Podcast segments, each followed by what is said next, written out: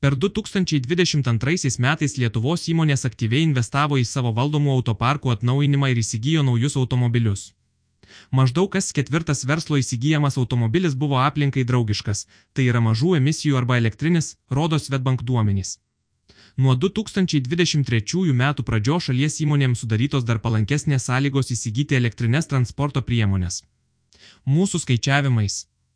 Įsigydamos elektromobilį įmonės gali pasinaudoti net keliomis lengvatomis ir jo kainą iš karto sumažinti apie 30 40 procentų jei įmonės naudojasi lizingo finansavimu aplinkai draugiškiams automobiliams įsigyti, jos gali gauti palankesnės palūkanas, o kai kuriais atvejais susitikrinti dalinį jų kompensavimą.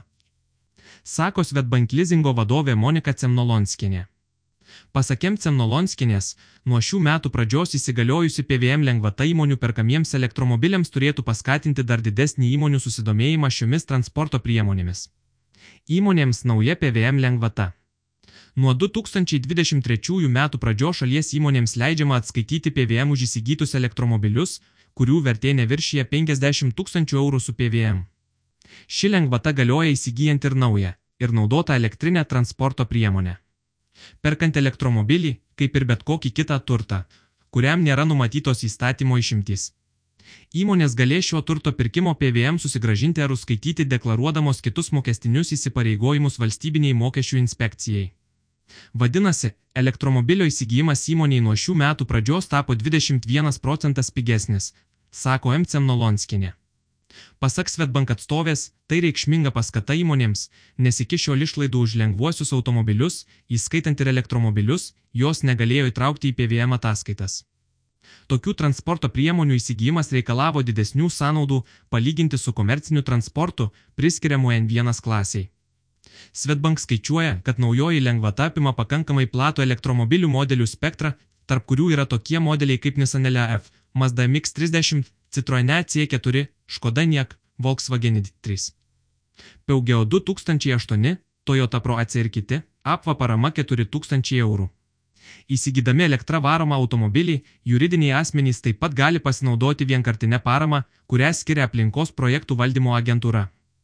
Už vieną įsigytą naują M1 ar N1 klasės elektromobilį skiriama 4000 eurų.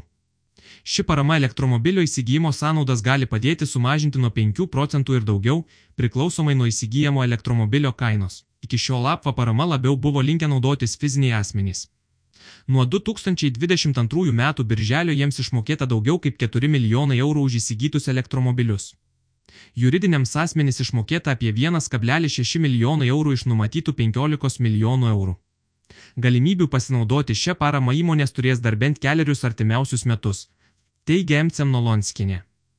Kaip rodo Svetbank duomenys, per 2022 metus įmonės, pasinaudodamos banko finansavimu, iš viso įsigijo daugiau kaip 160 elektromobilių. Įsigytų elektromobilių skaičius, palyginti su ankstesniais metais, išaugo apie du kartus palankesnės palūkanos ir jų kompensavimas. Įsigydamos automobilius su žemomis emisijomis arba elektromobilius, įmonės gali pasinaudoti ir palankesnėmis lizingo palūkanomis. Nusprendusios įsigyti elektromobilį ir pasinaudoti lizingo finansavimu, įmonės gali užsitikrinti palankesnę banko maržą, palyginti su įprastu automobilių finansavimu.